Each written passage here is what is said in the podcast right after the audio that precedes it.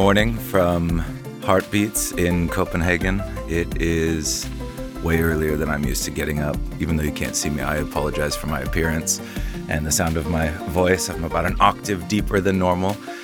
This show is called So What Else Do You Want to Talk About? And I had this idea to meet up and talk with people that I know or don't know or want to know and have the opportunity to discuss other things than what uh, those people might be best known for. In my years uh, working as a photographer, all of the interviews that I've done, countless, countless interviews, I just get asked the same questions and I give the same answers because I'm lazy and nobody ends up really finding anything out ever.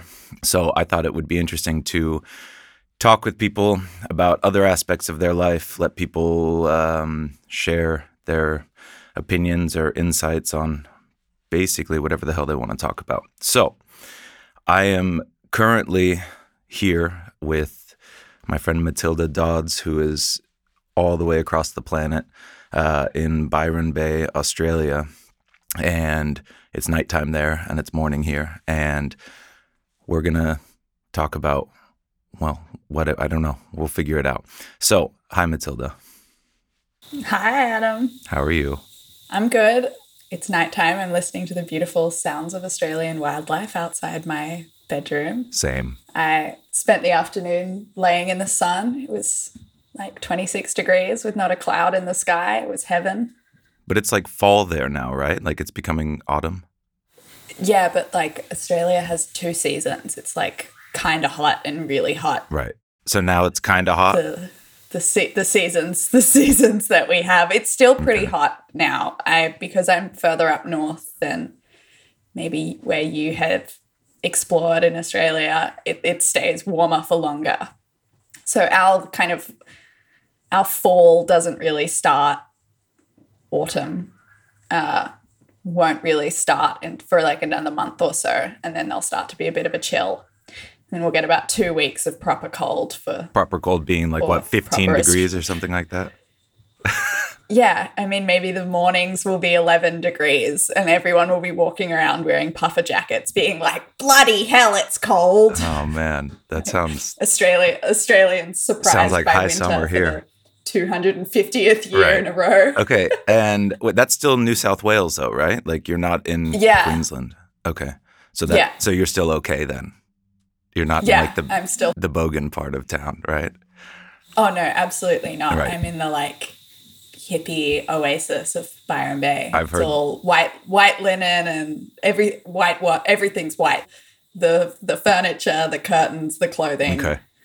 It, yeah, it's it's a a colonial, post-colonial hippie dream, I guess. All right. I, the only thing I know about Byron is what you and Ella have told me about it. I've, I, I guess I got to go check it out. Okay. So just to give a little bit of information, I met Matilda in Paris after what show was that? What show had you done?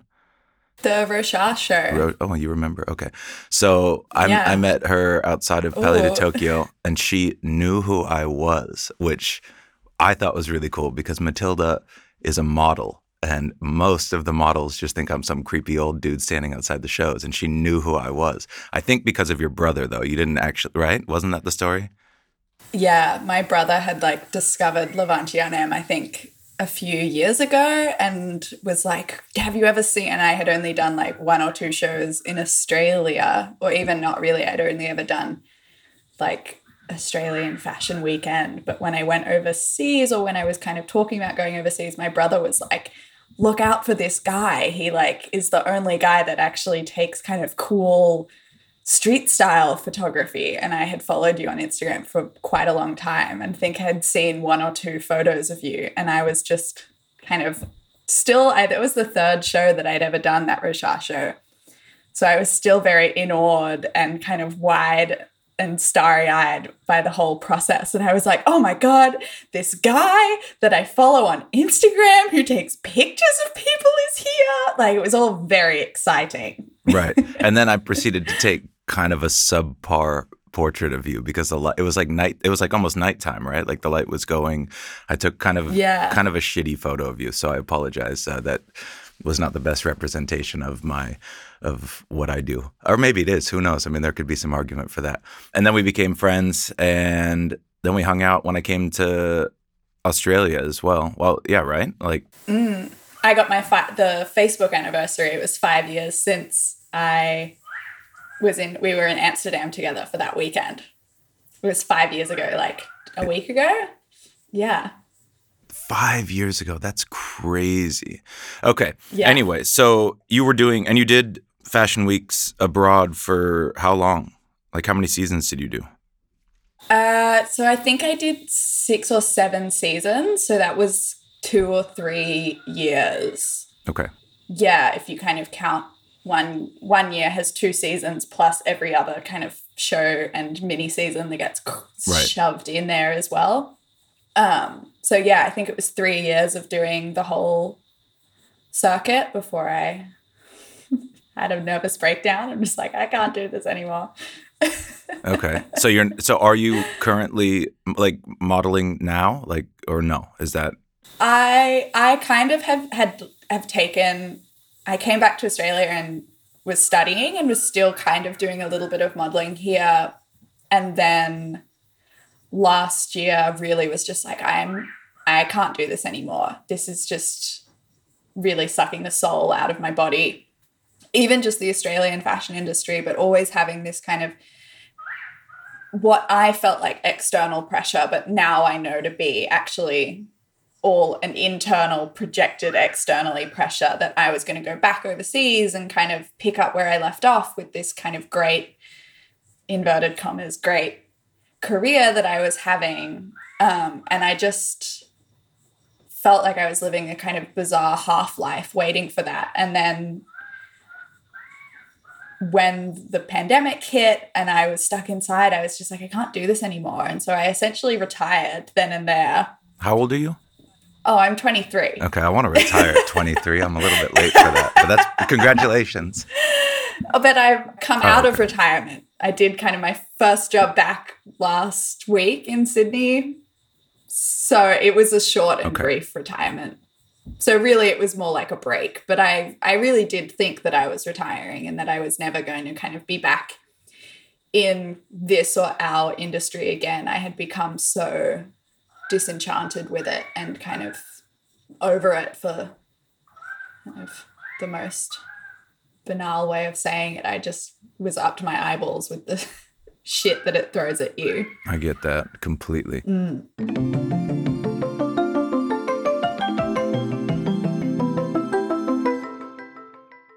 Okay, so before we get too far into talking about your career, I'm going to pose a very simple question, um, which I think I already know what it is because we've chatted about this before. But we know you're uh, were a model, retired at 23, now coming out of retirement quite shortly thereafter. But um, what else do you want to talk about? Oh, what don't I want to talk about? I don't know. That's this is your job. This is where you step in. I mean, do you oh. do you want to talk about like we can we can still discuss your career, but like on the not the side that everybody would see, you know, on you know how you would portray yourself on Instagram or whatever. We can basically talk about any aspect of it. I know that you had told me that you had, you know, obviously, and you just touched on this a moment ago, but that you had had issues with um, with the industry, and I mean, mm. yeah, I guess then maybe kind of, and I know that I we spoke about it briefly, and I've kind of been thinking about a way to start speaking about the experience that I've had over the last year or so publicly. But kind of around the time that I decided that I really needed to stop modeling was the t- around the time when I realized and really finally became quite honest with myself that I had had an eating disorder and had anorexia for probably definitely the entire time that I had been modeling and that the more time I spend kind of in therapy and really plumbing the depths of my childhood and experiences. I think the seeds were planted before I entered entered the industry, but um, it's not something that I have really spoken about at all yet. So maybe we can talk about that. Sounds good to me. that sounds deep. Let yeah, let's go. just for my reference, I mean, aside from traveling abroad prior to going to the fashion weeks abroad, like how long has your career of modeling span up until 10 years. It's 10 years. 10 years this month, pretty much, or 10 years in April. Wait, you were Um, modeling when you were 13 years old? I was modeling when I was 14. So, yeah. Is that legal? Uh, I mean, it's blurry. But Okay. Uh, yeah, I've I, never. I think that there's a there's a lot of models that started modeling when they were 13 or 14. But did they um, just lie about their age or something? Or is that like okay to your parents have to go with you when you go to jobs? Or Yeah, my my parents would come with me to jobs, and thankfully my parents, because my mom was a model as well for a long time, I didn't know that. in a kind of very different spectrum of the industry. But she was a model in Australia, and so she kind of she had she didn't have the rose colored glasses on when I got scouted. No, I was quite, I was quite protected. Um, in the my first few years of modeling, and I was living in Byron and flying back and forth between Byron and Sydney. Right. But the first job that I ever did was for Australian Vogue here. And I think that I had been kind of, or even my parents, when I first got scouted, were really thinking, like, oh, it'll be a few years and she'll do some crappy tests and it'll be kind of a kind of a slow moving boulder for what it was. But it kind of all just took off very quickly. And I was just completely intoxicated by it. I had never thought of myself as somebody that could or would model. Right.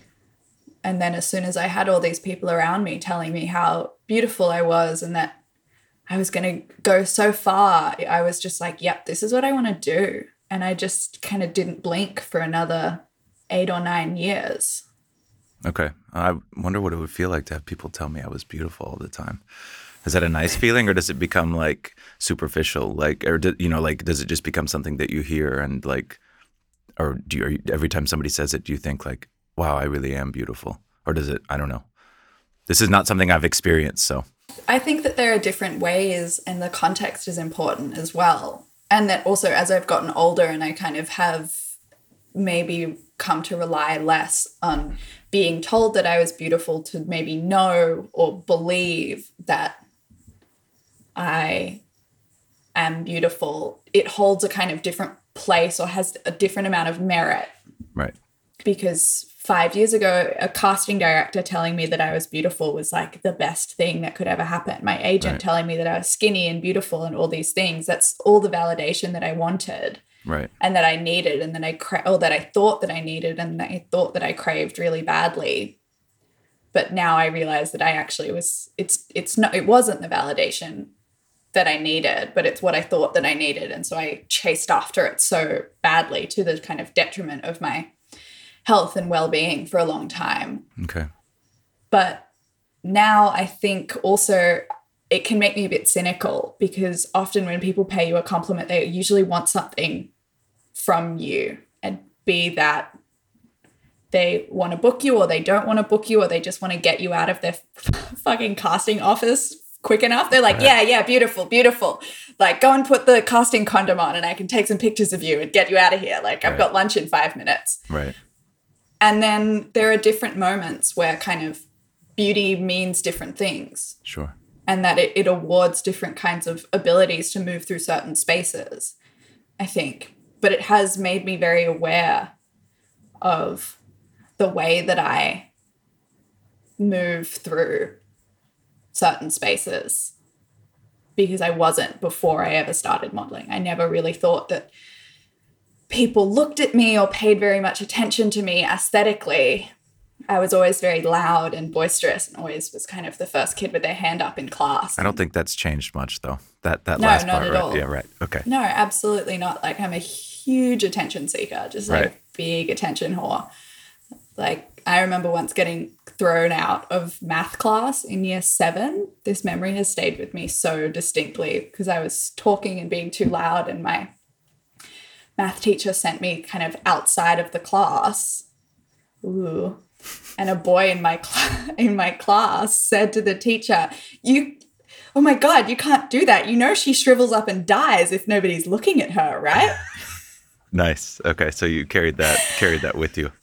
And it, that's just Yeah. really it's i've really carried that with me and it's something that i've actually really had to work on and learn over the last few years is that i actually can exist when i am not being observed That's a good realization to come to, I suppose. i mean yeah useful Right. Okay. So when did you have the realization that this was not like the healthy path, or when did this take a bad turn, or how did that happen, or whatever? Uh, I had started going to therapy probably about a year beforehand. And every time that I had ever tried to go to therapy before I started seeing my current therapist, I would always go for about three sessions. And then the therapist would be like, So let's get to the, the root of the issue, which is obviously the eating disorder that you have. This is how long ago I- from now? Sorry to interrupt. this was probably when I was like 17 or 18. Okay. Any any time I, I remember the first time it happened it was before i had even started modeling. When i went to a therapist because i was having like sleeping problems. I was getting really bad nightmares. And i just kind of stormed out and was like fuck you you don't know anything. And i've kind of hindsight is 2020 but i'm like oh i i stormed out of that room because i didn't want to be kind of i didn't want to have to admit that truth to myself. Right. And it took me until kind of the beginning around this time last year. And i think it was it was having the real break from work and that it was having everything stop around me and not socializing or seeing friends and that all i was left with were these really kind of destructive habits and tendencies. And there was nowhere else to hide or to look anymore. I just had to kind of face the music, I guess, And, reflect on it, yeah, because you had the space to like look back at it from a different point of view versus just being in it and like numbed by Ab- it or whatever. Yeah, absolutely. And I, I just, it, it took a while. It wasn't all of a sudden like a light bulb moment. There was definitely a lot of denial, and there also is there's this kind of fascinating phenomena that happens with eating disorders is this thing around being sick enough. Like am i really sick enough to need help? Or am i is this is this really bad enough? Like me there are other people that definitely are, are worse than me. And so i don't need i don't deserve or i don't need help. I'm fine. And that's the thing i think that eating disorders do is they're so pernicious in the way that they tell you all these lies and wrap you in all this protective cotton wool to really insulate you from being able to try even try to help yourself because that's what an eating disorder is. It's self-soothing. It's trying to help yourself while whilst actually destroying yourself i think. I know Okay. but that that's that's the trick the little switch that's in your brain my therapist and i would call call my eating disorder derek and it was like another person was driving and i would say like he was driving and i was like gagged and hogtied in the back seat of the car but i thought that i thought that he was keeping me safe Right. but i was being kidnapped really So how does something like that manifest itself? Is this something that just starts or does it happen slowly? Like I mean, I have this is not something I'm familiar with and I've never really had a conversation about it. So like I mean, I don't know if you're comfortable talking about that, but I have kind of I don't actually really even know yet because I have been thinking and asking and like obviously a lot of other people around me have asked me that as well like did it definitely come from modeling or was there something else? And there's kind of a lot of thought and literature emerging now that potentially disordered eating tendencies have a genetic factor in the same way that depression or like borderline personality do. But it's very early days of that research so we can't i can't definitively say like yep got the gene for it because i don't there's nobody else in my family that has really suffered in the way that i have. But i definitely think that it was the industry that i was in that was kind of threw a match on some very kind of crispy tinder if it were Right. Because it was it, it was so rewarding. and because if you're told that you're skinny, right? Like then that's a va- then especially early on in a career, like that would be a validating thing. That would be something that would be synonymous with beautiful, right? Like because you're supposed to be as skinny as possible, right? I mean, isn't that yeah. when I say supposed to be, that's like, you know, um, the Yeah, standards and- that have been and- set. Yeah, and also the fact that like so many models start modeling when they're teenagers and then the body that they have when they are kind of 14, 15, 16 is the body that they're still trying to have when they're in their 20s, which is impossible. Like I had literally just started puberty when I started modeling. Like I had no boobs and I was kind of naturally quite thin and then all of a sudden I found myself at 19 or 20 looking at photos of myself when I was 15 and going like fuck I need to have that body again which I know is something that is kind of quite common and happens for a lot of women regardless of the industry that they're in but I had so I had so many photos. I had so much evidence and I had so I had my agents measuring me and I could see when and how and if my body changed and that was terrifying to me Right. and that that, that kind of constant sorry there's a mosquito I'm sure there's more than one, right? I just have a question. What are the what what animals are we hearing outside the window? It, what do are you Uh, familiar with what we're listening to? there's there's probably some koalas Oh, do they make sounds? Oh yeah they they make some terrifying sounds. Oh, they wow. because they like rape each other. It's actually quite horrific. Wow. and they they scream. Okay. and the male ones i'm not i'm not going to imitate the noise. Okay. but it's like the most horrific horror movie kind of guttural grunting. And then the female ones scream and run. And it's this like crash bang orchestra of koala horror outside my bedroom Amazing. Because in Denmark, the koalas are, are silent, so we don't we don't actually hear the Danish koalas very often. So it's it's interesting to know that they speak differently in different countries. yes the ones in australia just uh, are like the like the australian men really i Right. guess All right.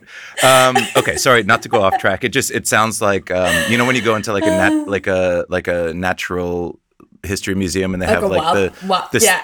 the scene set with like the stuffed zebras and like and it sounds like you're in the jungle. It sounds like we have one of those audio recording tracks on. I really like it. It's setting the mood for sure. yeah Right. Okay, sorry. So back back on back on getting off track. So you said you were suffering or are suffering, I'm I'm not sure, from anorexia and bulimia, correct? no Oh, uh, no Oh, sorry. just just anorexia. Anorexia. Okay, sorry. I think I definitely I definitely probably tried to become a bulimic at Sounds certain horrible. points, but it it never stuck. It, Right. No, it's, it sounds horrible. right. But um, no, without kind of going into the details of kind of the methods that I would use, I just would just wouldn't eat really. Like, and it's really cliche, and I think about it now. But like all the kind of like model cliches of staying thin, I was just the epitome of like black coffee and cigarettes for breakfast all day, Right. breakfast, lunch. Then I'd have like a broth for dinner, and then like a bag of cocaine for dessert. Delicious. Wait, but okay, but I mean, you just convince yourself, you tell yourself I'm not hungry or you are you telling yourself like I need to be thinner or like what is that dialogue like? I think it's both because there's this like hunger is such a it, like it's one of the things that keeps us alive. Like it's it's a survival mechanism and so like it takes a it takes a lot of willpower to really be able to kind of outthink your biology with these thoughts. And it it doesn't kind of happen overnight and then switching it back to kind of be able to listen to your body and to your biology also doesn't happen overnight. But I used I used to kind of really play kind of mind games with myself about when I would kind of get to and let myself eat. It would be like a reward of that if I had exercised enough or if I had booked a big enough job or if I like booked a big enough show, then I was I kind of had the worth to deserve getting to feed and nourish myself, which is such a twisted way to think about just the, the process that keeps us alive. Like imagine imagine tr- if trying to do that with not drinking water or not Right. sleeping, but so many girls are able to do it with food, and that's why like eating disorders have the highest mortality rate of any other mental illness, and it's because it's it ta- like it's not fucking easy, but it takes so it's so much willpower to override your survival mechanisms, and then once you've done it, it's the, it's this really vicious vicious cycle that is almost impossible to break. Would you be like proud of yourself for going long periods of time without eating or like Oh, absolutely, Yeah. absolutely. They would, yeah, because I, I, I find like i mean whenever I, I find that i i mean i hate the feeling of being full and i, I feel very energized when i'm hungry. Like i, I feel mm. much i feel better about myself. It- you know like there will be days like during fashion week or for example where i'll just like graze throughout the day because it's like well i don't know when i'm gonna, gonna get to eat next and then i'll never really get that mm. feeling of being hungry, which is kind of for me like when I feel the most energized and like almost like it, it kind of makes me proud of myself that I have this feeling that I need to eat mm. because it's like okay that means that I haven't overeaten or eaten too much throughout the day. So I'm just mm. wondering because for me like it's a very positive feeling and and obviously I don't think that I have an eating disorder in any way, but I, I kind of know what that at least in my perspective that feeling yeah I, I would feel good about myself for not just constantly being full, I guess. So if you have, and I don't have like a goal, and obviously there's nobody rewarding me for having a certain body type or being thin enough to be valid or whatever in you know in that industry. Like I can be a fat photographer and and nobody really cares. It might even be kind of cute. Um, dad dad bods are very in, you know, and I'm I'm killing it dad at that bods. game. Dad bods are in. Yeah, I, thank God. I like to say about a dad bod is that like a dad bod versus like a shredded bod. I like to compare it to the housing market Okay, of that. Like you, you might live or rent an apartment right. Like it's fun, it's glamorous, but you would never, ever, ever buy a house that doesn't have a veranda. And that's the love handles, right? And that's the dad bod love handles. Right. Okay. Like, I have the ver- I have two no- verandas then. I have a I have a back balcony as well, and maybe even a patio. wrap, wrap yeah, around wrap around exactly. Pan, uh, what it, what's it called? A, a widow's watch or something up on top. Yeah. Okay. So let's not talk about my body right now. Um, so that develops slowly. It sounds like you don't have like a recollection of like a certain moment where you just decided that this was going to be something you were going to do, right? Like this. No, definitely not. Definitely not for me. Because I, I think I was very even unaware of the fact that I was doing it. I remember being in New York and being at castings with girls that had explicitly been told by their agencies that they need to lose weight and that they need to have their measurements to a certain kind of centimeter or inch and that agencies put girls on these kind of those ridiculous regimes of they've got to come into the agency once a week and get weighed and measured to make sure that they're not their weight is and their measurements are constantly going down Wow.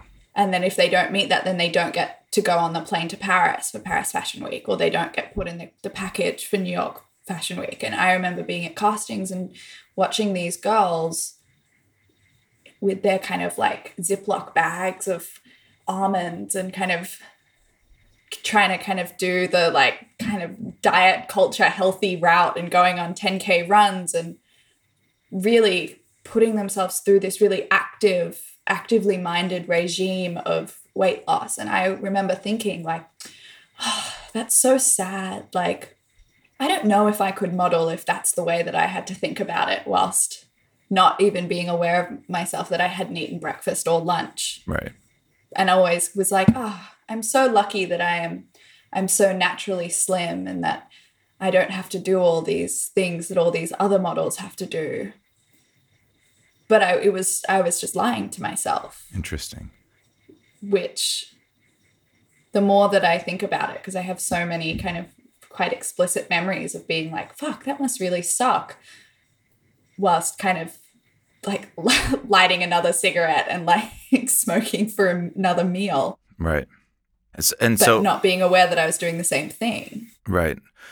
Okay. So like when you would walk into like a casting or something like that and or, or like at a show, for example, where there's backstage at the show and you have the catering all laid out. Like now I eat most of the food on the catering table backstage at the show um, because I feel like So it's you that everyone it's me, that's backstage at shows. exactly. hey man, it's free. You know, I, I can't turn away free food. My my grandpa used to tell me that if it's free, it always tastes better, and it is true, even if it's just garbage. Yeah, why do you think models always go out with promoters? Yeah, right. Exactly. so, I mean, in a situation, let's say you're backstage at a show and the, and there's food there. Like, obviously, like you've gone to a fitting before, so there's a standard set of what your body was like when they fit the clothes to you. Like, would you then not? I assume probably not eat at the show Mm. as well, right? That would be kind of people would notice Oh, yeah. maybe I as well, right? N- None of the now that I don't I mean I don't really think many model first of all I never really liked the food backstage. Depends on the show It was always super weird. Depends on the show. Right. But also then kind of on that memory, I always found it bizarre of that the shows that kind of would really have the strictest body standards would have the like shittiest food Right. Like at, at Prada, the when they're they're like, you have to look like a 12 year old boy. And then they bring they wheel out the tray of the like white lasagna for dinner and they're like, Right. Right. right. It's so I would always find it so kind of oxymoronic. But Yeah, counterproductive, right? yeah, absolutely.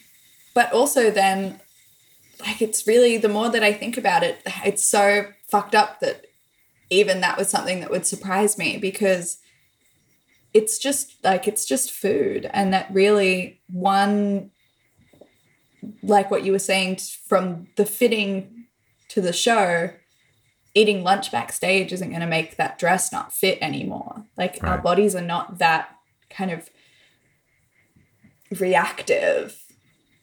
But i think that there is this kind of ideology that girls are taught that that they are and that like our bodies are problems that need to be solved as Right. opposed to just the things that kind of let us move through the world regardless of whether you kind of get paid for your appearance or not So the question then is so where does this problem come from? I mean, obviously the agencies, like your agencies pressuring you to look a certain way are reacting to the desires of the of the brands or is it the other way that the the standard has been set by the agency and then the brands react to that? I think it's both. I think I think that I'm probably not the expert to be asking that too. Like I'm sure some kind of fashion historian could Right. tell you. I know that there is this kind of discourse around the fact that couture is very expensive to make and that it, if it had to be made in this kind of a larger variety of body types, it would be far too expensive to Right. be able to put on a show. But I kind of think that's fucking bullshit when a, sh- a house is able to put on like 10 shows a year and fly all the models all around the world. But they, they don't, there isn't the expense to kind of make clothes in more than one size or make the clothes or f- the kind of fit more efficiently as opposed to this kind of one size fits all model. Right. Which doesn't really fit all. Right. No, Like, which- the majority of the consumers don't have the same body that you were told that you needed to have, right? No, absolutely not.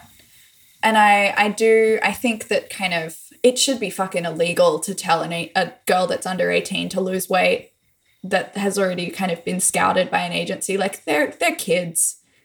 And I thankfully kind of escaped that, that side. But I have so many friends that I have met that have been on the diet since they were 15. And that, that's, that's sad. Like that's mm. stealing away that kind of last vestige of childhood from these girls and there's already so much of the fashion industry that really makes you grow up really fucking fast Right. when you're a young model that's on set you might be younger than the next person working that you're working with by 15 or 20 years and they might have been doing that job for as long as you've been alive.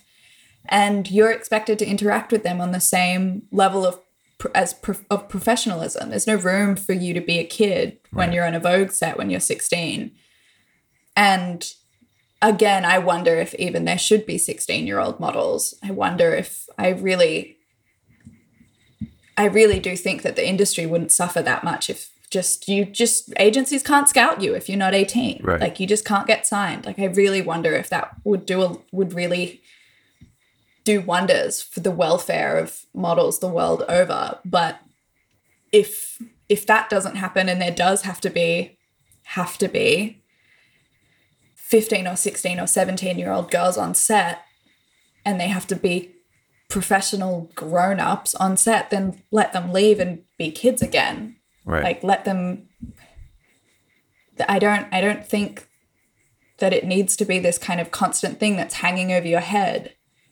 which it is that the kind of the gaze of the agency or the gaze of the industry that girls live under like it, it's everywhere it feels like you can kind of never escape it particularly now with social media and kind of constantly being seen right. there's kind of there's no way to get get away from being seen and kind of being assessed Right.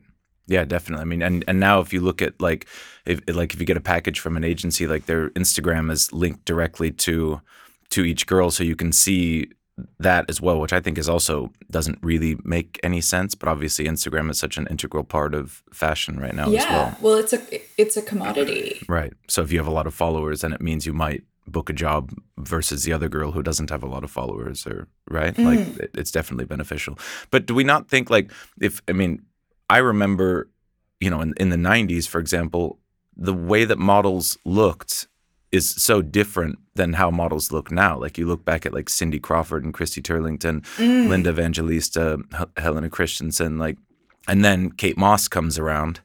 And I think that that's mm. kind of like where the sea change happened is that there was this new standard of beauty kind of set by Yeah. her with this kind of like youthful, you know, very kind of like I mean she's extremely beautiful, but her body type was so different than all of the other women who were out there before, right? Like it mm. it was much more feminine before she came around. Yeah, absolutely. And I think also that, like, as much as I really love his work, I think that David Sorrenti also is kind of quite responsible, his work, for kind of bringing in this sea change of kind of that heroin chic looking model.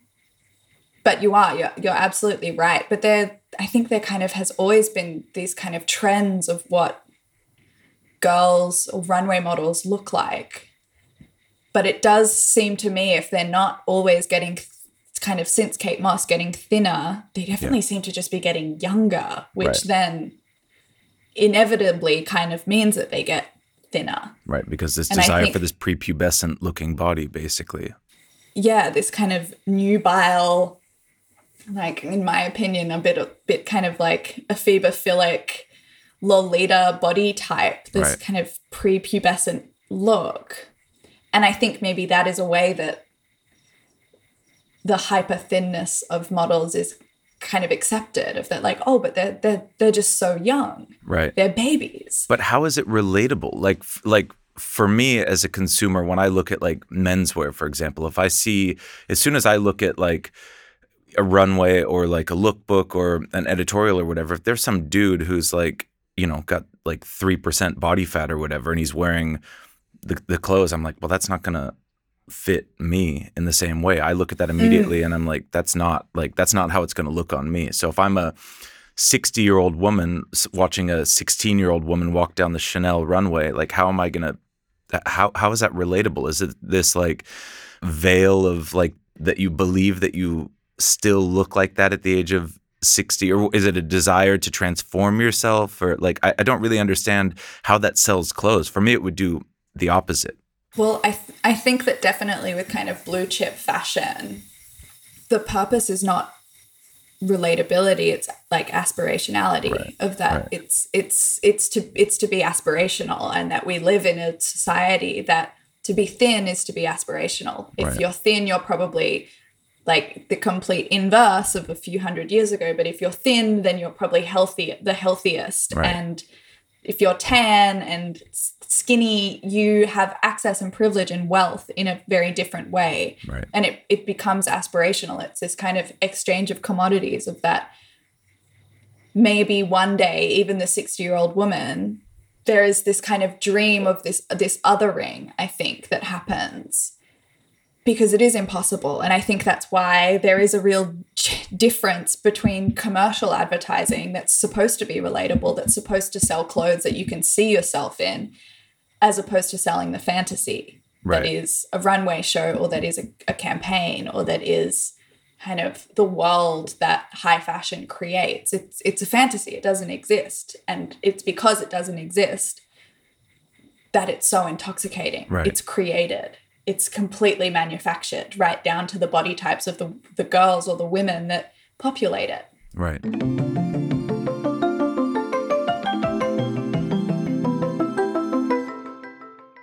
Now, I mean, you're back home in Byron, and you've had this realization of your of this eating disorder, and you've now now where where are you right now? Like, what's where are you in in that path or whatever? You've you've had the realization. When did you have the actual realization that this was a problem as well? Pretty much bang on a year ago. Okay. I I start like I went I went on antidepressants and I started going to a therapist and I had to weigh myself every week in therapy and kind of watch my weight for a while kind of continue to drop which felt good until it didn't feel good anymore but I'm now kind of I went and saw my therapist a few weeks ago and we did kind of what she has now called my my like final weigh in. I'm for the first time in my life in a healthy weight range for a person my age and my height. And I feel like I'm like alive again, or maybe for the, for the first time. I have all this other space in my brain and in my life that is not just dominated by thinking about my body. And that I also now all of a sudden, and it's so cliche, but like I now really love and really like my body. Whilst when I, be, I really love and I really like my body because I just don't care about it as much. Right. Whilst when I was constantly fixated on it and thinking about it, I fucking hated it. Like it, it was a prison, and it hasn't been completely linear. And I don't think that really I can kind of put a full stop, close the chapter, next thing. But I feel like I'm at a place now where I can kind of start to go like, oh, what's next? Because I really, in kind of June of last year, got to this point where I was like, if I don't really start focusing on recovering and getting better, like A, I might I might not be alive in a few years. And B, I'm never going to get to live the life that I want to live. And I one of the ways that I've kind of I started to think about doing that was I would actually eulogize myself and think if if I died or if or when I died, what would people get up and say at my funeral? Right. Which is really fucking morbid. Yeah.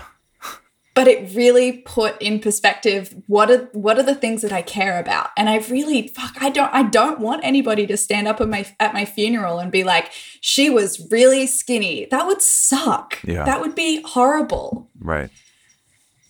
and it would be so meaningless so in, at about in about june of last year i really just went i've got to i've got to get better i want to i want to be able to in a year move on with my life and kind of put a full stop and close this chapter and do something discover this kind of what's next in kind of very esoteric terms. So i just kind of like self imploded my life for lack of a better term. Like ended my relationship, told kind of retired, finished my retirement, or started really said that I, ha- I hadn't worked in six months because uh, there's there was a there is a pandemic Oh yeah. going on Even Yeah. over there, you huh? heard? No, no, no. Yeah, I thought you guys were doing all right over there in Australia, at least. but um, I moved I moved back home and I just I didn't do anything except kind of make sure that I was eating three meals a day and start like I just I didn't do anything else. Like this focus of my life was getting better and I now finally the last kind of month or so have or 2 months or so been like okay what what's going to be what what am I going to do next with my life? And But so, okay, so now you say that you're you're not retired. You're doing some jobs and whatever. What does that mean? Like, have, does your agency or do do these like? How does that look? Like, if you're able to continue to model with the body that you have right now, mm. explain that to me. How does that work? If you're being told forever that you need to be skinnier and skinnier and skinnier, and then now you've uh, decided that that's not healthy, and but you still are going to book jobs, are people just going to accept that this is beautiful, or Well, I think that something that has been a really interesting process for me is that I always thought that the thing that made me a good model was how thin I was. And that if I wasn't as thin as I was, I, I nobody would want to book me. right? And there probably are clients, maybe not in Australia, but like I might never walk Prada or Chanel or like Gucci again. Right. and that's okay. Like maybe maybe one day i will and that would be great. Like i wouldn't say no. Right. but i also like kind of my first job back last week i did it was for a client that i had worked with about two years ago when i was kind of almost at my one of my lowest weights and i was really worried going into the job i was like shaking and anxious i was like what if they expect me to look like that still Right. even though I know that they'd seen updated digis. I also changed agencies and I'm now with an agency that is kind of much more body positive. That's for- great. But this client was like, You just look so much better. And I think that I really had this realization that I'm I'm good at what I do because of who I am, not what I look like, which sounds kind of counterintuitive as a model but that the only thing that made me a good model wasn't just that I was a size zero. Right. But I always thought that was kind of a lie that I had told myself to keep myself On that path. aspiring whatever, to be a size to be a size zero. And I do also I have a lot of hope and a lot of faith that the industry is slowly changing. Definitely down here and it might be I think it has a bit to do with kind of like beach and healthy looking culture like the girls are tan and have bigger boobs here and so there's kind of more room in the industry in Australia for a bit of body diversity. Right. I mean, yeah. When I would when I would go to Fashion Week in in Sydney, I mean, I think most of the models looked healthier than what you would see in Paris and Milan, and and you know, mm. because they're all outside and active, and they're not. I mean, were you ever told that you couldn't, like? I know some models who have told me that yeah they used to play football and now they can't play anymore because they'll get too many muscles in their legs or whatever. They can't go ride a bike because they'll get too much muscle definition. Like, was there any, is there I've definitely heard a lot of stories like that, but I uh, thankfully have never been interested in playing any sport. Oh, okay. well, that's convenient then. What a, and, and a nice excuse to not have to start. Nice. Okay. Um, Yeah, but it also is this strange thing of that I don't think I was ever, except for once when I was in Paris, and I kind of, I really want to hope that it was a bit of a language barrier thing. But my agent in Paris told me that I was curvy. Okay. I can't imagine. which okay. which is yeah i i just i really the longer it gets between now and then i just like i really hope i really hope that was a language barrier Right. and she didn't actually mean that but she also kind of went you're a little bit uh, curvy and you need to go and Oh, she like wow. put her put her fingers together Oh, smaller um which is just a like it's a horrible thing So- to have happen i was never explicitly told by my agents that i needed except for that instance in paris that i needed to lose weight it was very much through this kind of osmosis process because you're just surrounded by it and you can't Right. help kind of if you're sitting in the makeup chair backstage looking at your leg next to the model's leg next to you. And if it's skinnier, I would be like, yeah. And if it wasn't, I would be like, oh my God, my day is ruined. Even if I was backstage at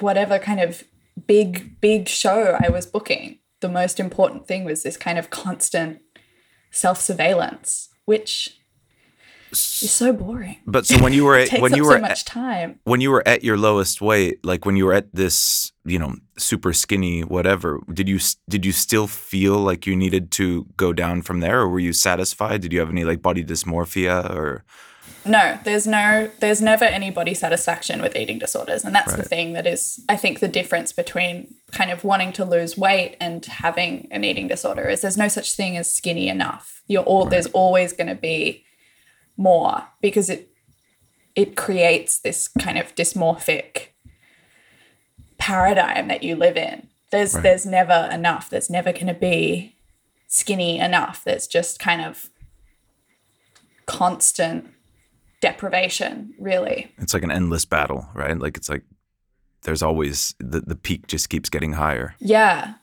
Interesting. Yeah. Uh, but now you're on the right path. You're you're satisfied with Yeah, it's like it's Sisyphean. It's Yeah. a, like a rock that keeps just kind of rolling down on top of you until you just. I had to one day kind of let go and let the rock boulder fall down the hill and be like, "Fuck you, boulder," and march up the hill on your own, right? and and much, and all of a sudden the hill didn't seem so high anymore. boulders are heavy, you know. That's one Boulders thing. are- that's the thing about boulders, boulders. are heavy, Right. Yeah, Stupid Sisyphus.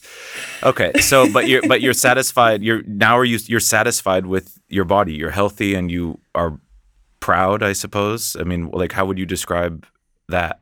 I've had to really. I just kind of practice what I call just like body neutrality. Right. It's just, it's just a body. It's that whether it is soft or hard or kind of bigger or smaller it's just the thing that lets me do all the other things that i want to do. And that's the that has kind of been the most liberating realization that i've had over the last year is that when i'm not constantly thinking about how much space i take up or don't take up there's all of this expansive room in my life to do things that i really care about and learn and be more committed in my relationships and pay more attention and do kind of everything more deeply and more meaningfully because I don't have this kind of pariah on my back anymore. Right. That's extremely liberating. I assume. Mm, it is. Okay, so you're on the right path. It sounds like you're in a much better place than where this fucked up industry has put a lot of us, right? I mean, you would would you say that? Oh, 100%. And I I wonder if and it will be a kind of interesting journey back into the industry to see if I really still want to stick around because I don't necessarily th- think that I want to kind of end up being a an advocate for these things, but I think it's important to talk about them. Well, thank you. Um, I hope that this was rewarding in some way for you as well to be able to talk about it out in the open. Yeah, it was. Thank you for kind of giving me the opportunity. I'm honored. You've t- you've taken my podcast virginity. Awesome, but not like how the koalas do it, right? Like this was consensual. Just just to be clear. Adam. Sorry, you brought up the koala thing. I, after after this, I'm going home. I'm going on YouTube and I'm gonna look up koala rape for sure. I need to know if this oh my exists. god. On that note, I'm getting. I'm gonna get out of here. Oh Jesus. Thank you, thank you so much. This is this is fun and informative, and uh, yeah, uh, it's a nice light end to a serious topic. So hopefully we'll stay in touch more after this. Um, keep me posted, and I appreciate your time. Any anytime. anytime, but with a 10 hour time difference. Okay. Thanks, Matilda. Have a good one. Bye. Have a good day. You too.